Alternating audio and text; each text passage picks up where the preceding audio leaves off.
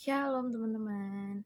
Balik lagi dalam program teman ngobrol Dan hari ini kita bakalan ngobrol bareng bersama Kalea dan juga Kak Abigail. Nah kita tunggu dulu nih uh, narasumber dan juga host kita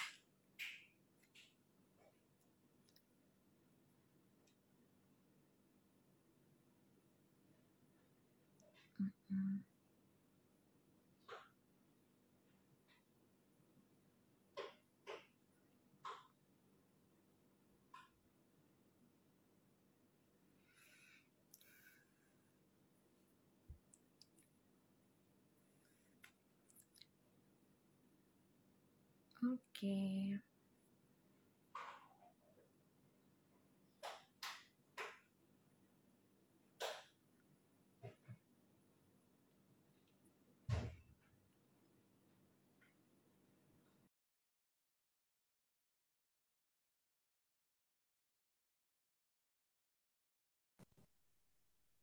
Nah, kelihatan kak.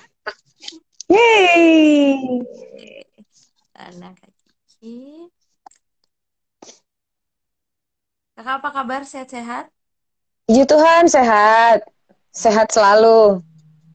Kelihatan? Kakak kelihatan nggak Kak Abigail? Aku nggak kelihatan Kak Abigailnya. Oh. It's okay. nah, kita perkenalkan lagi dari awal ya. Jadi sore hari ini kita bersama Kak Lea. Nama lengkapnya Kak Lea Tikoalu ya, panggilannya Kak Lea. Uh, Yes. Sekarang bekerja sebagai seorang manajer dan juga dancer. Kemudian hobinya bersepeda, lari, jualan rumbles. Teman-teman boleh cek di IG at nona.manis.rumbles. Dan juga manajer di Deo Kultura ya Kak. Du Kultura. Oh, Du Kultura. Oke, baik. Ya, Du Embun. Ya. Oke. Nah, hari ini kita bakalan ngobrol-ngobrol nih, Kak. Nah, sebelumnya tuh kan eh, aku ngeliat eh, kesaksian kakak kan di YouTube. Terus Ya. em, aku ngeliat, aku nonton. Nah, tapi yang pengen aku tanya tuh kenapa, gimana sih Kak awalnya sampai akhirnya kakak bisa Awalnya. masuk di dalam ilmu hitam Oke, Kak? awalnya itu eh, itu kejadiannya waktu aku masih SMP kelas 1. Waktu aku Hmm. SMP itu aku masih di Surabaya ya. aku tinggal sama orang tuaku di sana. Aku itu eh, dari background mama sama papa itu sering berantem tiap hari. Tiap hari berantem. Dan aku itu eh, anak yang paling bungsu dan seperti Sansak gitu. Jadi kalau mama papaku berantem, kalau mamaku nggak bisa eh, ke papaku, papaku pergi berangkat kerja, aku tuh yang uh dipukulin gitu. Tapi bukan hanya sekadar pukul biasa ya, bener-bener pukul wah gitu karena mama aku tuh guru karate gitu. Dan biasanya kalau mama aku pukul aku tuh pas di rumah memang lagi nggak ada orang. Jadi nggak ada kakak aku, nggak ada siapa-siapa. Jadi cuman cuman aku gitu dan ya aku ngerasa kayak nggak happy pada saat itu gitu. Nah, pas aku udah SMP, itu dari SD ya, aku sering dipukulinnya. Jadi pas SMP aku sudah mulai ke kayak gimana ya, gue mau bales nih gitu.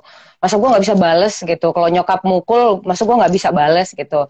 Nah, waktu SMP itu aku punya satu temen, eh, aku nggak usah sebutin namanya ya. Nah, Hmm. dia itu ada satu perkumpulan bela diri gitu. Nah, aku taunya bela diri itu biasa aja gitu. Terus aku mikir gini, wah kalau gue join sama bela diri ini, kayaknya aku bisa balas mama aku atau set- setidaknya itu aku bisa yang ha gitu ya, nampis gitu. Jadi nggak Keren. bonyok-bonyok amat. Heeh, gitu. Yaudah deh gitu, diajakin sama temen aku, ikut yuk ntar pulang sekolah gitu. Nah pas aku pulang sekolah itu aku ikut ada satu gedung eh itu kayak bank gitu kan. Nah tempat latihannya itu di lantai 7 gitu. Lantai 7 atau lantai 11 ya itu udah lama banget. Sampai di sana liftnya kebuka, aku ngeliat ada orang lagi latihan tuh. Ada dua ada dua sisi sih, yang di sebelah sini itu yang masih pakai eh masih junior lah gitu. Nah, sedangkan di sisi yang lain itu udah pakai jubah hitam Nah, aku ngeliat kok aku naksir yang itu ya, kayak keren yang pakai jubah hitam deh gitu. Karena kok yang yang cuman junior, mamaku kan guru karate ya. Ya, kalau Hmm. gue cuma junior doang, kalau dipukul sama nyokap ya bonyok-bonyok juga. Aku mikirnya kan gitu. Jadi aku mikir, wah, gue ngincernya gitu. Terus gue ngomong tuh sama teman gue, gue mau, tapi gue mau langsung sabuk itu, sabuk hitam yang pakai jubah. Gak bisa kayak gitu kali, gitu ya. Harus dari basic dulu gitu, kayak yang lain gitu. Ah, terus ya udah deh nggak apa-apa, karena kan aku punya goal ya. Aku pengen kayak kalau someday nyokap aku mukul aku, setidaknya aku bisa bales. Nah, singkat cerita, eh, di tahun yang kedua, aku itu udah pakai eh, sabuk Grandmaster, eh, Master fourth degree, mas, maaf, Master fourth degree. Ini udah tahun kedua ya, Master fourth degree. Nah di situ tuh aku udah udah ngelewatin masa-masa aku bisa bales mama aku sih sebenarnya gitu. Hmm. Tapi tentunya pakai ilmu hitam gitu. Hmm. Mamaku tuh dari yang dari yang sehat udah mulai sakit-sakitan. Karena kan aku eh setiap kali latihannya sudah latihan depannya. Ada telepon aku batuk. Eh, setiap kali eh, menyembah mereka ya kan petak aku pakai untuk buat aku aku banyak aku ngundang mereka masuk biasanya ilmunya itu masuknya di belakang badan aku di tulang rusuk aku gitu nah, ah, ada gerak-gerakan tertentu. Makanya gerakan itu aku masih hafal tapi aku tidak mau melakukannya ya. Nggak boleh. Jadi itu semua iblisnya tuh masuk shoot ke badan aku. Terus aku minta apa aja biasanya diturutin. Begitu. Jadi awal mula aku ik- ikut itu supaya aku bisa balas dendam sakit hati aku ke mama aku sebenarnya. Gitu Jadi jadi gerak-gerakan karate itu ibaratnya kayak eh, itu ritual untuk mengundang si para iblis tuh masuk dalam tubuh kakak gitu. ya ada 365 eh, spirit yang pada saat itu ketika aku Wow. eh apa sih pelepasan? Ketika aku pelepasan Ah. itu dari tim gereja Institut Injili Indonesia, mereka mencatat ada 365 iblis di badan aku yang keluar dalam waktu tiga bulan, tiga bulan kurang lebih ya tiga bulan. Jadi aku ikut tiga tahun, tapi sama pendeta Om Anton Tuana Kota yang sekarang udah almarhum, itu dalam waktu tiga bulan itu semua spiritnya itu pelepasan keluar gitu. Tapi kalau kalau karate gitu kak, apakah ada tingkatan tertentu yang kayak ini udah tingkatan tertinggi atau kalau terus digeluti terus masih akan meningkat gitu? Maksudnya kayak mamanya kakak kan sudah menjadi seorang guru, apakah itu udah selesai atau memang tahapannya tidak pernah berhenti? Karena kan sekarang kan ada beberapa orang yang eh, apalagi mungkin yang tidak ikut eh, Tuhan gitu ya, sungguh-sungguh kan mereka berpikir kan karate adalah yang biasa-biasa aja gitu kan. Sebenarnya Eh, level mana sampai bisa ditunggangin iblis itu gitu loh. Aku kalau bicara ini harus hati-hati ya, karena eh, gimana ya, Tuhan Yesus bantu ya untuk menjelaskan. Karena gini, eh, olahraga itu sebenarnya baik, ya, self defense, ya kan? Kita kan membela diri. Tetapi ada banyak yang akhirnya diselipin dengan ilmu-ilmu hitam. Dari dan salah satunya adalah di tempat aku awalnya memang bela diri biasa gitu. Tapi eh, ketika aku ketemu dengan maha guru aku, dia bilang kayaknya kayak oh kamu tuh jadi apprentice aku ya gitu. Jadi ada beberapa orang tuh yang memang khusus sama maha gurunya tuh memang terpilih orang pilihan. Nah, kebetulan pada saat itu salah ya, salah satunya adalah aku karena eh, aku terlahir dengan gift dan mereka tahu itu gitu. Jadi sama mereka dimanfaatkan untuk hal yang jahat, sama mereka dilatih untuk hal yang jahat gitu. Nah, kalau ditanya apakah semua bela diri itu eh, jahat Kak? Enggak semuanya, enggak semuanya gitu. Karena eh, zaman zamannya nabi-nabi dulu juga orang bisa bela diri ya kan gitu. Tapi sekarang itu banyak yang dipakein dibumbu-bumbuin pakai ilmu-ilmu hitam gitu. Hmm. Nah, salah satunya di tempat aku. Oke. Oke, oke. Ini begitu ya ternyata. Eh, kalau misalnya kita bilang agak sebenarnya ilmu hitam itu jauh, ternyata dia dekat. Mungkin ada di sekitaran kita, tapi kitanya aja yang nggak ngeh gitu ya, Kak. tapi Betul. tapi mungkin mungkin sedikit apa eh, ngobrol soal ini kak kayak sebenarnya kan kalau yang aku tahu ya bela diri itu kan maksudnya gini kalau kita balik lagi ke Alkitab Tuhan tidak pernah mengajarkan kita untuk membela diri gitu kan bahkan firman Iya. Tuhan malah ngajarinnya kalau kamu ditampar pipi kanan kasih pipi Iya. kiri gitu cuman mungkin gerakan-gerakan olahraga itu yang maksudnya manusia jadi mem, apa ya celah-celah di mana ada kesempatan karena kan kekerasan sementara Yesus itu datang dengan kasih dan kelemah lembutan begitu bukan Ya, benar, maksudnya kayak sebenarnya tidak ada tujuan untuk kayak jahat tapi eh, olahraga yang demikian ada celah di mana iblis bisa masuk gitu Ya, benar. Tapi kamu harus ingat juga loh, sayang, kalau eh, Tuhan pun juga ngasih kita pedang ya untuk berantem, untuk melawan si jahat. Nggak mungkin dong kalau nanti e- end time misalnya, ya akhir zaman. Ya mudah-mudahan kita nggak sampai akhir zaman ya, mudah-mudahan ya. Cuman kalau misalnya di akhir zaman nih, misalnya iblis atau apa pun itu yang datang, terus Tuhan bilang ke aku, kamu harus berperang. Aku sudah tahu caranya berperang gimana. Selain walaupun dengan doa ya, tapi setidaknya kan aku udah udah tahu gimana untuk berperang gitu loh. Nah itu bukan berarti ya nggak bisa dong. Maksud aku mm, paham ya maksud aku. Nggak mungkin juga tiba-tiba gue ngomong ke iblis, lu udah nampar pipi kanan gue, silakan tampar pipi kiri. Nggak nggak seperti itu juga sayang gitu loh. Itu semua udah Iya, ada ini- jalannya. Ah. Iya iya. Konteksnya kan yang- kepada kepada iblis ya gitu. Maksudnya kalau kalau kan manusia ini salah gitu. Mereka berperangnya kepada manusia sendiri gitu. Kan kalau tentu iblis ya kita memang harus berdiri untuk melawan membuat pertahanan kan. Gitu. harus berani nggak boleh penakut gitu tapi semua itu kan juga eh, di gereja kan pasti diajarkan ke kita juga kan gitu. Karena ketika aku dulu pelepasan aku juga nggak ngerti apa apa nol sama sekali aku nggak ngerti. Bahkan aku bilang Tuhan aku sekarang baru mengenal engkau. Ternyata kuasamu jauh lebih besar dari ilmu yang aku pelajari. Ilmu yang aku pelajari nggak ada apa-apanya Tuhan. Gitu loh. Engkau luar biasa gitu.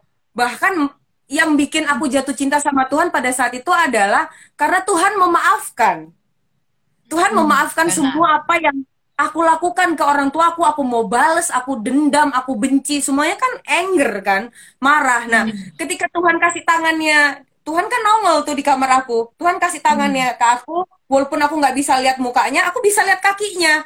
Tuhan kasih tangannya ke aku gitu loh. Dan aku nggak mau aku bilang enggak gue nggak mau. Gue tahu nih ini kakinya siapa nih. Gue nggak mau nih. Kan gue benci banget nih sama orang ini. Karena kan aku terlahir dari keluarga Kristen ya gitu loh. Dan aku tahu mengenal Tuhan Yesus itu siapa tahu. Cuman kan ya hanya sebatas itu aja. Sampai akhirnya Tuhan izinkan aku ngelewatin eh, pengalaman yang luar biasa seperti itu. Sampai akhirnya Tuhan gue yakin sih gue sayang sama lo karena pada saat itu Tuhan ngomong itu ke aku tapi tidak pakai bahasa Indonesia nggak pakai bahasa Inggris tapi aku bisa ngerti. Aku sayang sama kamu. Walaupun aku bilang aku benci sama kamu tapi Tuhan bilang aku sayang sama kamu tiga kali. Sampai akhirnya aku nyerah kayak wah gila sini gitu. Dunia benci sama aku nuduh aku buang aku tapi sosok ini ngasih tangannya dia bilang aku sayang sama kamu. Di saat semua orang nggak ada yang sayang sama aku orang tua aku teman-teman aku semuanya nggak ada. Tapi pada saat itu Tuhan bilang aku sayang sama kamu.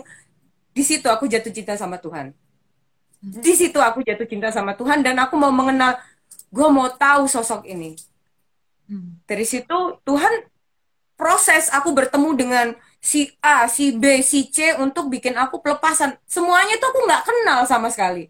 Kecuali sahabat aku masih kecil ya, eh, dia udah meninggal sekarang.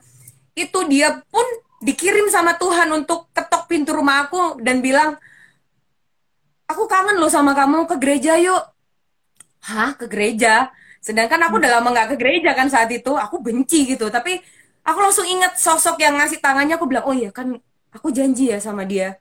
Oke yuk kita ke gereja. Nah pada saat aku mau ke gereja itu itu udah mulai manifest badan aku. Aku nggak bisa masuk gereja. Ketika aku nggak bisa masuk gereja badan aku panas manifestasi. Temen aku lari panggil mamanya yang kebetulan guru sekolah minggu.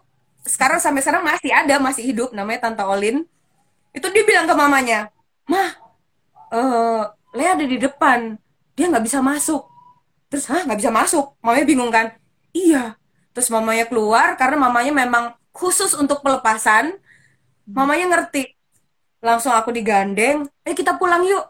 Mam, uh, mamanya teman aku itu guru sekolah minggu aku tuh telepon ke mamaku kasih tahu kalau uh, lu mamaku juga baru meninggal ya uh, lulu uh, ini Lea aku ajak ke rumah aku ya gitu aku nurut aja karena kan memang aku udah janji sama Tuhan kan? Tuhan aku pasrah nih mau diapain terserah. Aku datang ke rumah guru sekolah minggu aku aku masih ingat itu aku disuruh duduk di ruang tamunya semua kursi-kursinya diminggirin. Terus aku disuruh duduk di lantai kayak gini ini aku duduk di lantai. Terus Tante Olin itu ambil minyak urapan yang dia doakan dulu terus di, ditaruh di mengelilingi aku. Itu badan aku panasnya nggak karu-karuan. Itu aku manifest sudah aku dari situ aku udah nggak sadar. Yang keluar itu udah macem-macem oh macem-macem deh. Itu tapi dari situ aku bisa ngeliat Tuhan ada di situ. Ya. Tuhan berdiri di, di situ. Nggak ninggalin aku. Gitu. Sorry ya nangis. Tuhan ada berdiri di situ gitu. Tuhan bilang kayak aku aku nemenin kamu kok. Kamu nggak sendiri kok. Nggak apa-apa. Gitu. Jadi aku ngerasa kayak oke okay, aku ada di di tempat yang uh, yang bener nih gitu. Dan itu prosesnya lama itu prosesnya lama banget. Gitu. Eh bentar ya maaf maaf bentar bentar. Ya?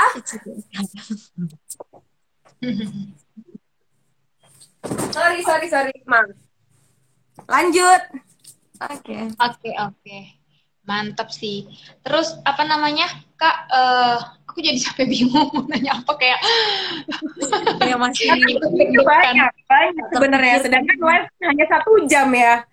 Bayangin. Iya. Kisah yang terjadi dalam hidup aku tiga tahun harus dibikin jadi satu jam. Memang nggak gampang sih. Iya.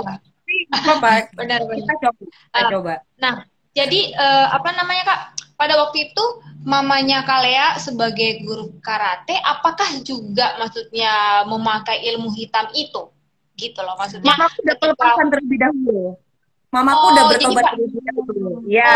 Oh, jadi pada waktu Kalea mau balas dendam pun si mama sudah bertobat ya? Udah, mamaku udah stop karate. Tapi kan sisa-sisanya kan ada kan, tapi udah nggak ada hmm. ilmunya lagi gitu tapi oh. yang namanya mukul ya tetap ya manu manusia lah. Mamaku kalau emosi dia mukul gitu. Cuman hmm. mamaku bertobat lebih dahulu. Tapi ketika ketika aku pelepasan mamaku juga sama itu. Proses pelepasan juga. Papa aku hmm. mamaku opa aku itu dipulihkan. Karena pada saat itu hmm. almarhum pendeta Anton Tuana Kota bilang ini bukan salahnya Lea tapi keluarganya Lea bisa seperti ini, kepahitan seperti ini karena kan tidak dapat cinta kasih dari keluarganya. Gitu. Yuk, mau nggak dibenerin gitu. Dan puji Tuhan ya, keluarga aku mau. Mereka datang ke Kota Malang pada saat itu tempat aku uh, di di apa ya, di khusus gitu ya untuk pelepasan di Malang itu. Opa aku dilepaskan, mama aku, mama aku terutama dan papa aku, mamaku yang paling berat pada saat itu. Jadi ketika mamaku uh, diizinkan sama Om Anton masuk ke ruangan untuk melihat aku, aku udah yang udah aku nggak makan. Sama sekali nggak bisa makan. Karena kan uh, orang yang lagi proses pelepasan itu kan lagi ini ya kayak puasa kan gitu. Aku cuman lemas aku lihat mamaku gitu. Terus uh, mamaku ngeliat aku. Dan mamaku ngucapin uh, kalimat maafin mama ya gitu. Karena kan harus mengeluarkan pengampunan kan. Dan aku bilang iya aku maafin mama. Itu kayak rantai yang dibelenggu tuh lepas. Hmm. karena aku memberikan pengampunan ke mamaku mamaku juga minta ampun. Jadi dia nggak ngerasa kan gue ibu. Harusnya lu yang minta hmm. maaf ke gue enggak. Hmm. mamaku tahu banget bahwa kamu kayak gini karena mama gitu. Dan mama bilang maafin mama ya. Nah pada saat itu semua diperbaiki sama Tuhan Yesus. Semua satu persatu. Nggak hanya langsung di situ ya tetap diproses itu. Diproses. Tapi jadinya luar biasa sih. Tuhan Yesus tuh luar biasa. Luar biasa luar biasa. Lanjut kak. Uh, by the way waktu pada kakak saat uh, proses kayak mau balas dendam sama mama seperti itu uh, itu enggak tinggal bersama ya? Maksudku dalam dalam semua proses itu ada nggak sih Roh Kudus tuh uh, ya pasti kan biasanya kan Roh Kudus tidak pernah meninggalkan kita ya cuman hmm. kalau kita jahat sometimes dia tidak aktif gitu karena kita lebih latih yang jahatnya gitu ya apakah hmm. ada momen-momen uh, di mana kayak kakak ingat ini nyokap gue karena kan yang bisa dikatakan yang pada waktu itu kalian lakukan itu uh, jahat bisa sampai membunuh seperti itu kan uh, mama iya. sendiri gitu apa nggak ada pada waktu itu kelembutan hati yang kayak gila ini nyokap gue men yang ngelahirin gue gitu loh. Apa mati apa apakah perasaan itu dibuat setan tuh kayak benar-benar mati? Ke apa sih rasanya gitu? Karena uh, by the way aku juga broken home gitu. Kayak I had my dad uh, waktu yang lalu ya gitu. Tapi nggak nggak hmm. pernah kayak bisa sampai kayak gitu. Maksudku apa sih perasaan orang sehingga dia bisa membenci dan hingga ingin membunuh gitu loh? Mungkin karakter orang beda-beda ya. Orang kan ada yang gampang memaafkan, ada yang keras kepala. Kebetulan uh, di di keluarga aku, aku tuh yang paling rebel. Aku hmm. yang paling uh, paling nggak bisa diomongin. Aku yang paling keras kepala. Dan uh, aku sama mama mama aku tuh nggak cocok karena mama aku keras, aku juga keras, gitu. Jadi uh, sepertinya marah aku tuh akumulasi gitu. Jadi oh. aku nahan, ya kan, gitu. Jadi kayak ah aku tahan-tahan nih nggak apa-apa nih aku tahan, aku tahan, aku tahan. Sampai akhirnya pas aku udah SMP, aku ngerasa udah aku ngerasa udah gede gitu ya. Jadinya aku berani melakukan kekerasan itu ke mama aku. Aku sempet nendang mamaku bener-bener ya aku ngomong gini nggak bangga ya cuman itu ya. yang terjadi dulu gitu aku sejahat itu dulu dan aku nggak takut sama apa pun dulu. Karena pada saat itu kan aku punya ilmu-ilmu itu ya. Itu aku masih hmm. ingat banget waktu uh, aku sempat kerja dan aku berangkat kerja itu malam dan papa aku tuh lihat aku lihat aku di di dikeroyok sama cowok itu ada beberapa. Aku nggak ngapa-ngapain aku cuman begini aja nih. Sat itu semua oh. tuh mereka pada lari ketakutan. Itu papaku yang lihat padahal aku nggak cerita ke papaku aku punya ilmu enggak okay. tapi papaku lihat nah karena kan papaku pada saat itu bilang papa anterin berangkat kerja ya sayang enggak nggak usah aku berani kok sendirian tapi karena orang tua oh. kan khawatir ya jadi dia ngikutin ya. gitu loh nah dari situ tuh papaku kaget nah ketika aku uh, someday aku curhat kalau pak aku itu ikut aliran sesat loh. Baru papaku yang kayak flashback, pantesan waktu itu kamu ngelakuin gerakan sesuatu kok cowok-cowok itu pada kabur. Oh, karena itu toh gitu. Oke, oke. Ini Shalom Pak Vincent, selamat bergabung dari Gereja Mawar Sharon Surabaya. Puji Tuhan. Oke, luar biasa. Emang ada yang mau ditanyakan? Aku narik nafas dulu. Iya. Dari Serem ya. Uh -uh, kayak masih berpikir, wow ternyata 365 Real. ya kak, real sekali gitu.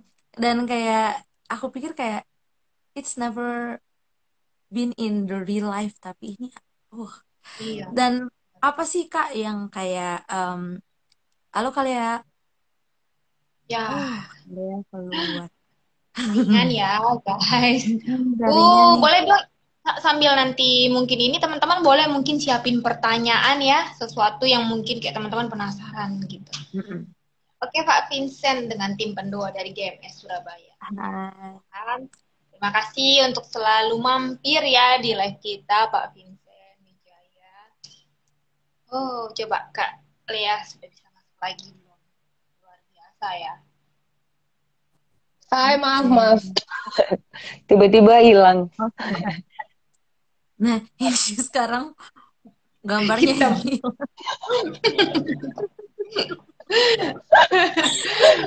Aduh, gimana sih ini?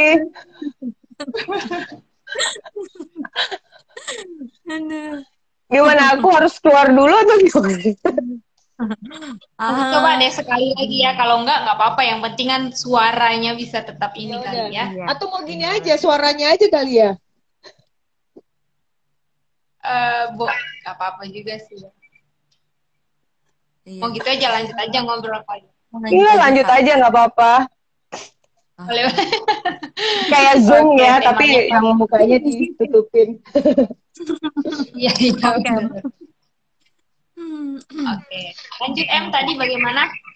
Eh, yang aku pengen tanyain tuh kak kayak kan waktu itu eh, akhirnya kakak jadi kronologinya tuh kakak tinggal bareng mama terus akhirnya pas eh, pelepasan dibawa ke Malang ya kak Iya betul, aku sempat dibawa ke Malang. Tapi sebelum dibawa ke Malang, sempat di rumahnya eh, guru sekolah minggu aku dulu kan. Kebetulan rumahnya dia itu di belakang rumah aku persis. Nah di rumahnya Tante Olin itu lumayan lama juga. loh.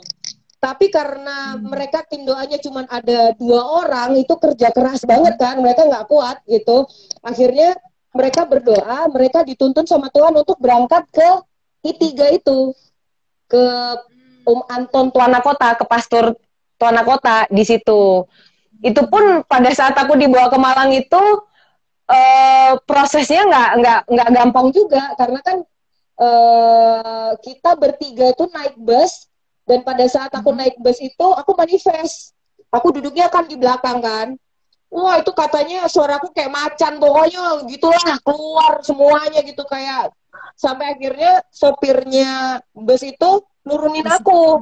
karena ini bikin takut semua orang ini gitu. Akhirnya kita sempat turun di jalan. Habis itu aku lupa nggak inget aku diceritain sama guru sekolah minggu aku tuh gitu. Dan yang yang eh, aku ingat pada saat itu adalah aku selalu dengar suara di sebelah sebelah kiri. Suara yang sebelah kiri itu ngomel. Eh, suaranya kayak gini. Kayak kayak marahin aku tapi suara di sebelah kanan aku itu suaranya lembut. Kayak sabar ya aku sayang sama kamu gitu. Terus sabar aku nggak ninggalin kamu kok. Nah aku percaya itu suaranya Tuhan Yesus yang di sebelah kanan. Sedangkan sebelah kiri tuh semua berisik ngamuk. Pokoknya kayak nuduh aku gitu. Kamu tuh gini kan aku udah gitu gitu. Nuduh nuduh nuduh dan nuduh. Tapi yang di sebelah kanan itu suaranya yang bikin aku tenang gitu. Dan itu nggak enak banget pada saat itu. Badan aku nggak enak banget kayak aduh nggak enak deh. Jangan main-main sama ibu. selama tiga bulan ya kak? Kakak di Malang? Itu dengarnya begitu terus kak? Perang perang terus aku gitu.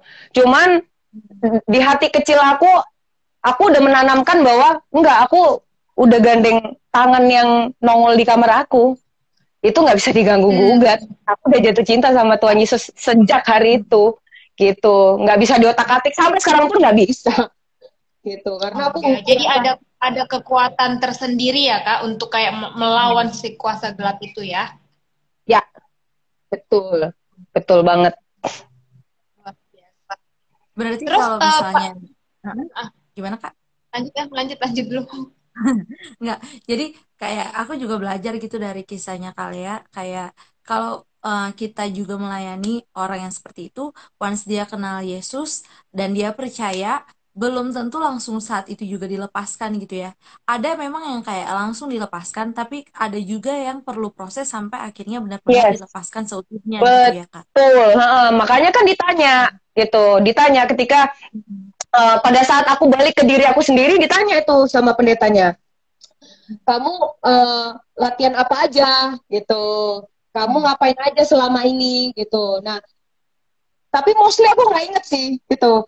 Dan aku taunya itu setelah udah selesai kan diceritain sama Om Anton ya aku cuma bisa nangis. Karena aku nangisnya bukan nangis sedih ya. Aku nangisnya bahagia banget. Karena aku nggak duga kalau aku bisa lepas dari sana gitu. Aku nggak duga aku bisa lepas dari sana karena aku nganggapnya kayak udah gue bakalan sama mereka jadi gengnya mereka gitu. Tapi ternyata cuman dengan Tuhan ngasih tangannya doang everything is better man. Hidup aku baru Terus kalau kalau boleh tahu ya kak, kalau kalau misalnya tidak membahayakan kakak gitu ya, pada waktu kakak eh, masih memakai ilmu hitam tersebut gitu kan tadi Kalea kan sempat bilang ya maksudnya pada waktu itu kayak apa aja yang Kalea mau eh, itu bisa kayak kejadian gitu. Nah, by the way, apa saja yang mau itu apa-apa saja sih yang selain daripada mungkin kayak kepahitan untuk balas dendam sama mama ya, apa sih yang mereka kasih kak gitu?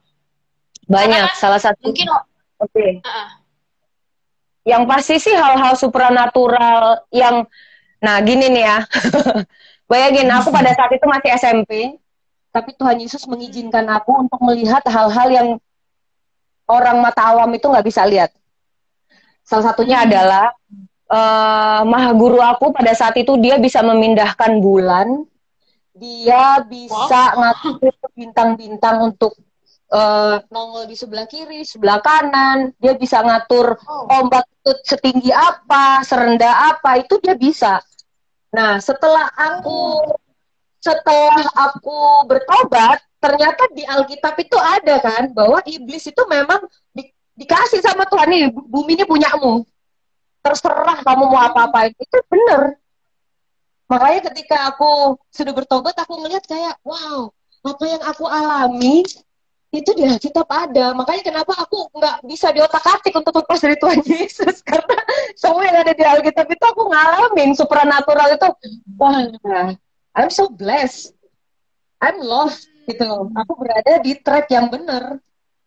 Kayak seakan-akan kok aku baca ayat itu ya yang aku pernah alami kayak Tuhan, ini kan kamu, kamu kan nggak pernah ngalamin ini. Ya benar sih Tuhan Yesus. Ini kamu pernah ngalamin kan? Kamu pernah lihat ini kan si iblis ngelakuin ini. Itu benar semuanya. Gitu dan ada iblis itu ada. Nyata. Makanya kita harus doa. berarti kalau kalau begitu kak kayak apa kepentingannya gitu dia mindahin bintang bulan gitu kayak what for? Pamer kali ya pamer. Eh, iya, pamer. Dia show off. Karena kan manusia itu butuh pembuktian. Iya kan? Manusia itu kan eh, mau lihat, oh se sehebat apa sih lu? Gitu. Kita di sini bertiga kan gak ada yang bisa mindahin bulan kan? Tapi ketika kita Iya. ngelihat orang hmm, bisa mindahin bulan, kan pasti kita langsung adore orang itu. Wah, dia hebat. Untuk itu, gitu. Dia tuh bisa Jadi kalau ka- hilang di kalau depan kalau, mata kalau itu kalau itu Uh, uh. dia bisa hilang di depan mata aku, dia bisa trans eh, bisa pindah ke negara lain di depan mata aku. Waktu di, waktu kita itu sekte kita sempat digerebek itu kita semua satu ruangan hilang polisi nggak bisa ngeliat kita. wow Banyak banget hal-hal supernatural yang manusia awam itu masa sih le? Ya ngapain sih gua bohong itu yang terjadi dalam hidup gua selama tiga tahun. Iya. Sekarang itu Iya. ada. Grup itu masih Tapi ada. kak kalau kalau misalnya contohnya ya kayak eh, mungkin kayak kepamerannya untuk mindahin apalah bulan lah bintang segala macam. Apakah itu misalnya kayak kakak punya eh, karunia untuk bisa melihat itu, tapi kan kayak kami nih orang awam gitu. Misalnya kita lihat nih eh, di tempat yang sama ya, gitu pada Hmm. waktu kalian mungkin punya ilmu hitam, apakah kalian ya saja yang melihat itu pindah karena memang dipengaruhi. Jadi maksud aku gini loh kayak dia yang membuat pikiran eh, orang-orang seperti kalian berpikir bahwa itu pindah atau eh, Dead Moon benar-benar moving gitu. Kan itu kan hanya bisa dilihat orang tertentu, tapi kan kami kan melihatnya tidak move gitu. Sementara dan- benda-benda di angkasa ini adalah milik Tuhan. Betul. Cuman pada saat itu kan yang namanya grup aku kan dia bukan ini bayangin ini tahun 9 1995 loh. Jadi Aku masih lima tahun. biasanya itu ya kejadian itu kejadian lama sekali yang which is orang sekarang zaman dulu kan orang nggak nggak kayak sekarang yang ngumpul-ngumpul ngerti kan maksud aku dan itu adalah sekte sesat yang tidak nggak kayak sekarang gitu jadi kalau maha guru aku itu ngajak kita ke satu tempat eh, yang sacred itu nggak banyak orang memang. Memang hanya beberapa. Ketika maha guru aku tuh nunjukin ilmunya dia atau show off itu memang hanya orang-orang pilihan aja yang diajak. Bukan yang wah nggak kayak gitu. Nggak ngajak semua orang untuk lihat enggak. Wong dia aja nggak mau dilihat sama banyak orang kok. Dia hanya eh, menampakkan dirinya itu hanya di murid-murid tertentu aja yang inner circle aja yang inti aja gitu I, I mean gini kak, maksudnya kan iya memang ditunjukkan kepada circle tertentunya dia. Tapi I mean maksudnya apakah itu memang permainan pikiran atau dibuat kayak Oh, enggak halusinasi Enggak. atau memang benar-benar move gitu loh? itu bener-bener move itu benar-benarmu itu benar-benar bisa pindah karena orang orang-orang di sekitar situ waktu itu kan kita tempat secretnya kan di Pantai Ngeliep di Gunung Bromo sama di tempat terjun uh, Madakaripura. Nah, orang-orang di daerah sana itu kalau kalau ketemu sama maha guru aku walaupun mereka bukan muridnya, mereka ikutan kayak kayak oh iya Pak, ngerti kan kayak wah ini memang orang sakti nih gitu. Hmm. Udah meninggal dia, akhirnya meninggal, akhirnya dia meninggal. Karena ilmunya oh. sudah diturunkan. Nah, karena ilmunya sudah diturunkan sama adalah satu orang dan itu masih hidup sampai sekarang gitu. Oh gitu. Jadi jadi maha guru maha guru gitu mereka meninggal ketika ilmunya sudah diturunkan ya kak? Yes, betul. Kalau ada orang yang memang uh, kayak wah ini apprentice-nya nih memang dia yang terbaik nih. Ya udah ilmu itu turun ke si orang selanjutnya dan si maha guru yang sebelumnya itu meninggal. Gitu. Hmm, gitu. Ngeri juga ya. Tapi waktu waktu ketika kan misalnya gini, kan tadi kalian bilang bahwa kayak bisa sampai menghilang orang nggak lihat ketika dilepaskan dan bertobat itu tiba-tiba hilang atau gimana kak? Maksudnya kayak apa kakak pernah nggak sih mencoba kayak eh gue udah dilepasin tapi gue mau coba lagi eh masih bisa hilang nggak gitu loh? apa hilang bener-bener kayak nggak bisa lagi gitu? Sama Tuhan Yesus kan kan Tuhan uh, jadi gini nih sebelum sebelum aku membaca ayat Tuhan itu udah ngomong di kuping aku kayak gini nih ah, maaf ya Tuhan Yesus kayak gini nih kalau kamu main-main iblis itu masuk ke badan kamu bukan cuma 365, tapi lebih banyak lagi, bisa legion yang masuk di badan kamu.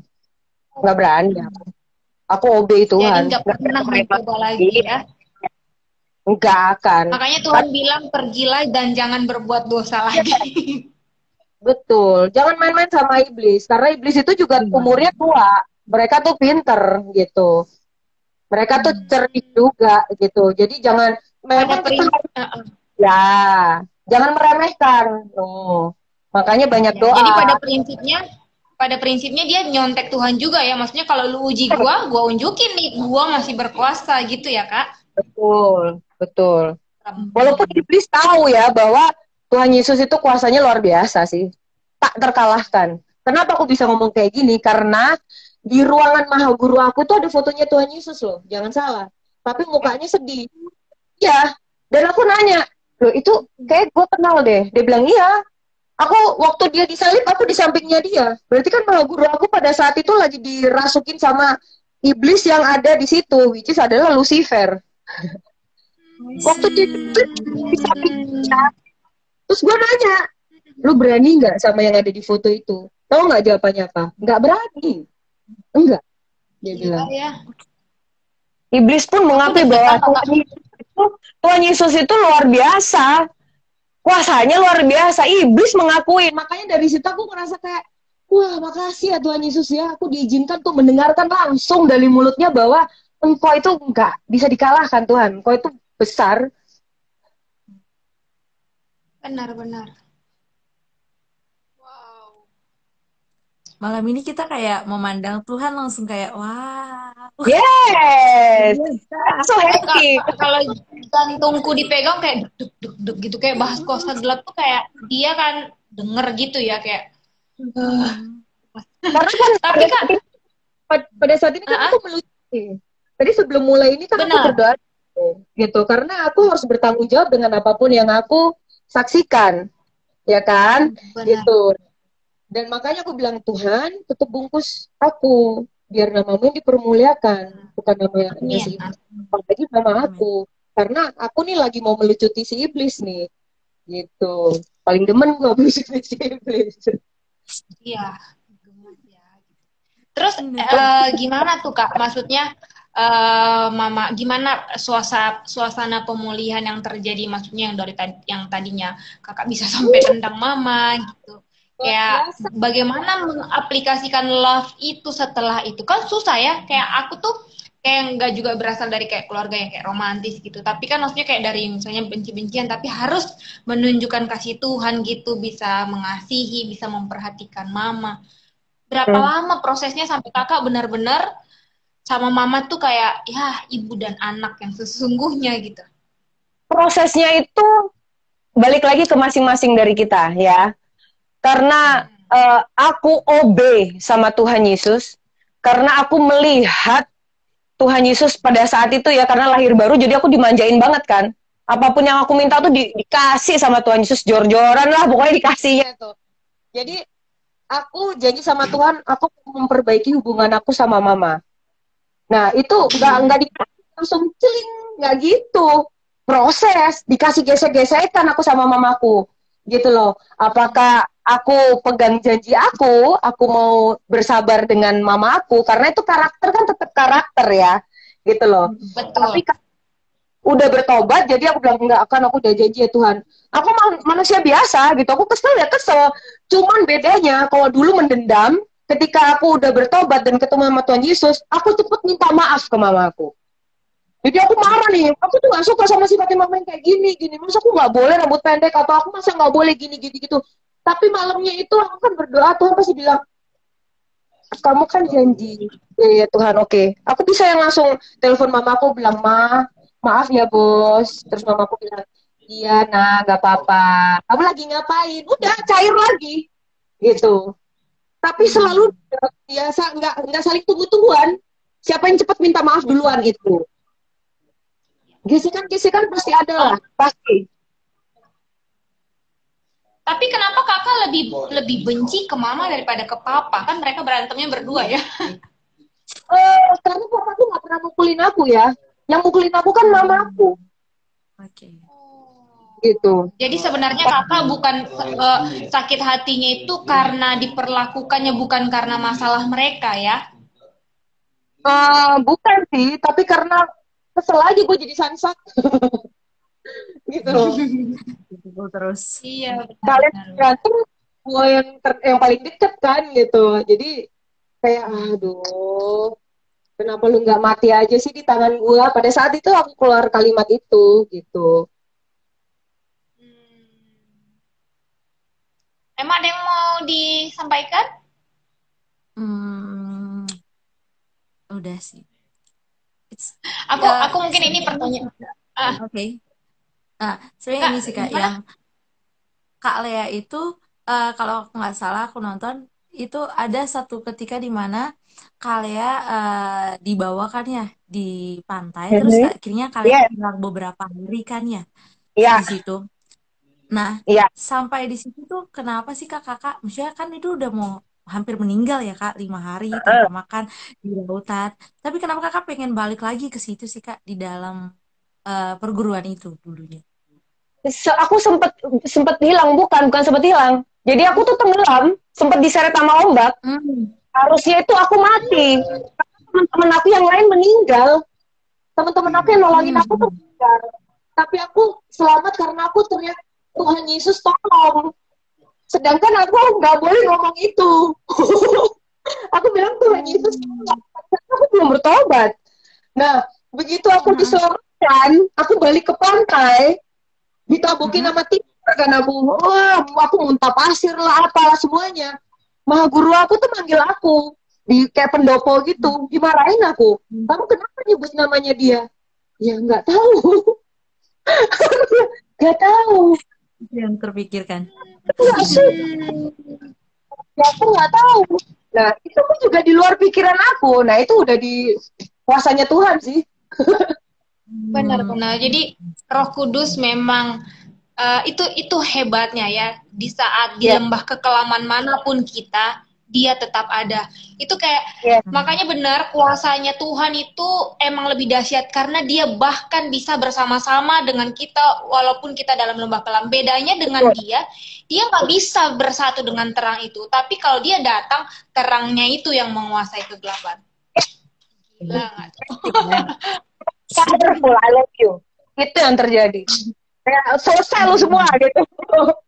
Aduh, biasa deh. Keren. Keren. Itu keren banget. Mungkin eh, di menit-menit terakhir nih kalau teman-teman ada yang mau bertanya ya atau mau sharing atau mungkin boleh join juga nih masih bisa join satu orang sama kita kalau mau tanya langsung boleh banget langsung request aja gitu. Tadi ada juga Pak Vincent bilang katanya dia juga pernah apa eh, dia bilang tepat banget uh, tema sharing malam ini karena dia pun pernah mengalami kekuasa apa ikut dalam kuasa kegelapan dan dibebaskan di GMS Surabaya. Puji Tuhan ya. Puji Tuhan.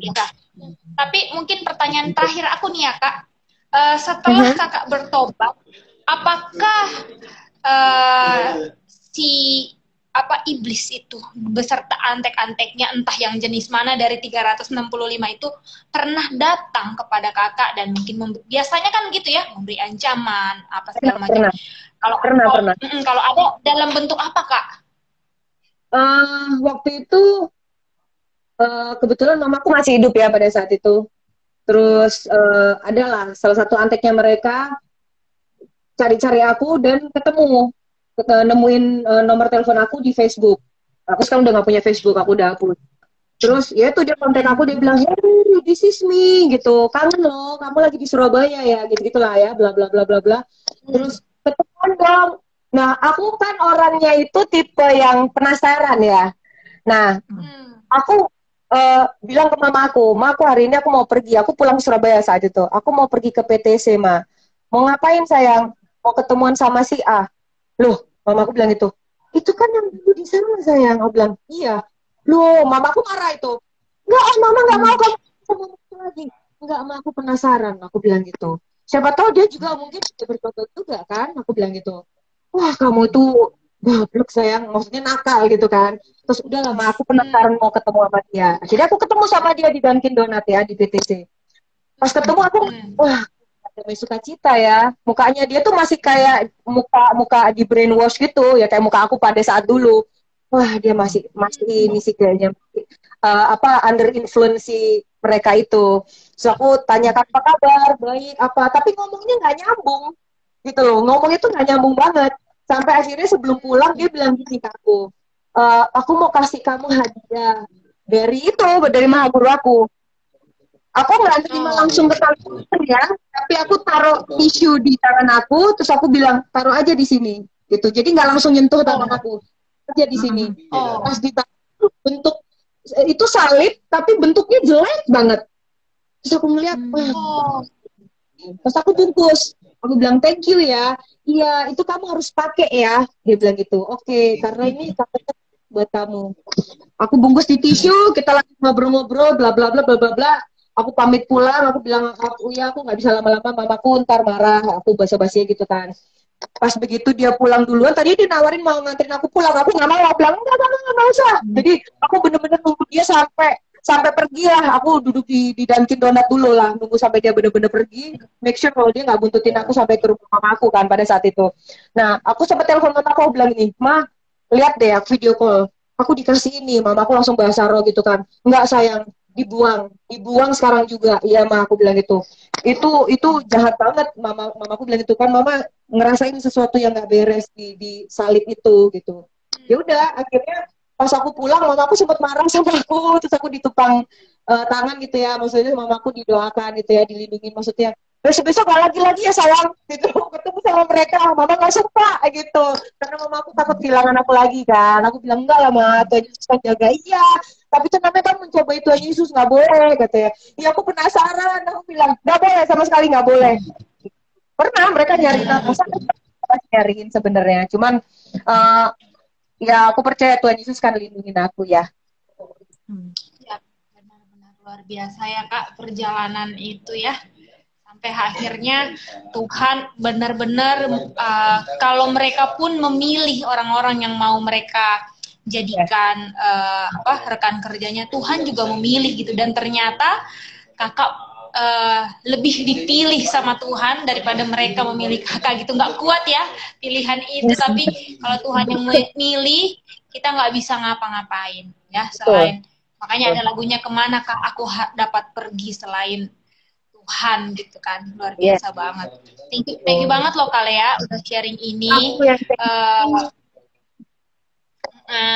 nah, uh, terakhir sebelum kita tutup, uh, ada pesan apa dari kakak buat mungkin teman-teman yang sedang ikut ilmu bela diri atau mungkin udah menyerempet nyerempet nih sudah mau ke arah itu gitu, termasuk kepada anak-anak yang punya kepahitan sama orang tuanya.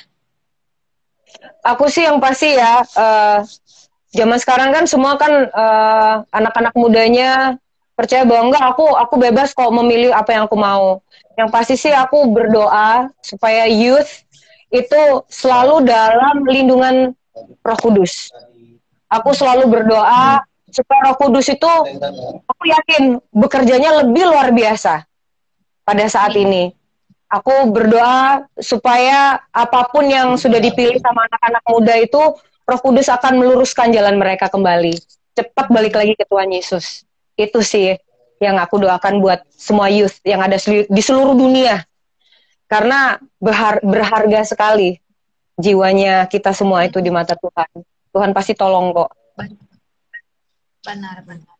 Hmm. Oke, okay, thank you Kalia. Emang ada lagi yang mau ditanyakan atau disampaikan? Uh, udah sih kak, udah tersampaikan. Oke, okay, kalau begitu. Semangat.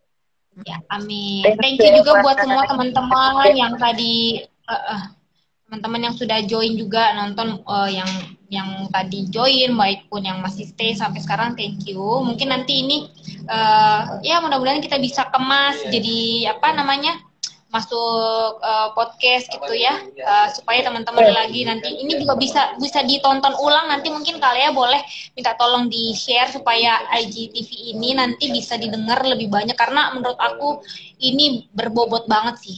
Bakalan uh, berdampak banget dan menolong orang-orang yang pernah berada di posisi kalian seperti itu.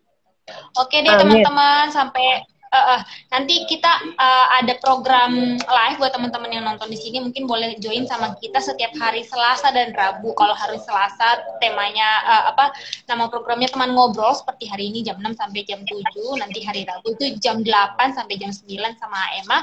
Programnya namanya Kepo gitu ya. Jadi teman-teman kalau uh, kalau kalian juga punya kesaksian-kesaksian atau mau sharing sesuatu boleh nanti hubungi lewat DM Instagram kita supaya kita bisa ngobrol bareng seperti ini dan kita sama-sama tetap jadi berkat buat Tuhan. Oke, okay, itu dia kita mungkin akan tutup dalam doa ya Kak. Uh, sebelum kita mengakhiri live ini nanti uh, kita akan berdoa buat kalian dan uh, dengan kerendahan hati mohon untuk kalian juga tetap support pelayanan ini supaya Tuhan tutup bungkus selalu kita bisa terus jadi berkat ya kalian. Amin. Terima, uh, dari Mevi, terima kasih kak untuk kesaksian yang sangat luar biasa. Yes. Thank you Mevi. Haleluya. Oke, kita berdoa yuk bersama-sama. Bapak yang baik, terima kasih Tuhan buat sore hingga malam hari ini. Kami boleh ngobrol-ngobrol bagaimana Tuhan menyertai perjalanan hidup Kalea, mulai dari dia uh, bagaimana mengalami kepahitan dalam kehidupannya hingga iblis mencoba Tuhan untuk mencurinya membunuhnya dan membinasakannya. Tapi kasih Tuhan yang luar biasa yang kami tahu Tuhan Engkau Allah yang paling dahsyat. Tidak ada Allah seperti Engkau yang menolong, mengambil kembali kalian dalam genggaman tanganmu. Terima kasih buat perbuatanmu yang ajaib karena Engkau masih tolong anakmu eh, Kak Lea kami percaya itu pun engkau sedang lakukan buat banyak orang di tengah-tengah dunia yang jahat sekarang ini. Kami berdoa juga melalui program ini, melalui sharing kesaksian kalian malam hari ini. Ada banyak jiwa yang diberkati bahwa Tuhan kepahitan hanya membuat kami menjadi orang yang jahat, tapi kasih Tuhan menyelamatkan kami dan kami akan sama-sama bergandengan tangan untuk menyelamatkan banyak orang lewat kesaksian hidup kami dan tentunya dengan perkenanan Tuhan. Terima kasih berkati terus kehidupannya Kalea Tuhan, bawa terus hmm. naik dan tidak menjadi turun, biar Kalea terus menjadi perpanjangan tangan Tuhan setiap kuasa kegelapan yang terus mencoba mengintai ingin Tuhan mencuri kembali rohnya. Kami percaya Tuhan engkau tutup bungkus dengan kuasa darah anak domba Allah sehingga Kalea hmm. sampai masa tuanya sampai umurnya penuh dia tetap boleh mengikut Yesus mengiring Yesus dengan ses, uh, sukacita Tuhan. Terima kasih Bapak buat malam hari ini. Kami mungkin selesai untuk sharing dan ngobrol, tapi kami yakin pekerjaan Tuhan terus berjalan sampai kami berjumpa dengan Engkau kembali Bapak. Terima kasih di dalam nama Tuhan Yesus Kristus kami berdoa dan mengucap syukur haleluya. Amin. Thank you, Kaya. Thank you so much. Thank you. God bless. Jangan... Ya. God bless you. Oke, okay. jangan bosan-bosan. Nanti mungkin lain kali kita akan undang kembali untuk ngobrol lagi, mungkin sharing yang lainnya lagi ya kak. Pasti, pasti. Selalu ingat satu hal, Tuhan Yesus itu keren. Amin. Oke, bye bye. Thank you Kalea, thank you Emsya sudah menjadi co-host hari ini dan teman-teman yang lain, thank you sudah join. God bless you all. Bless you all.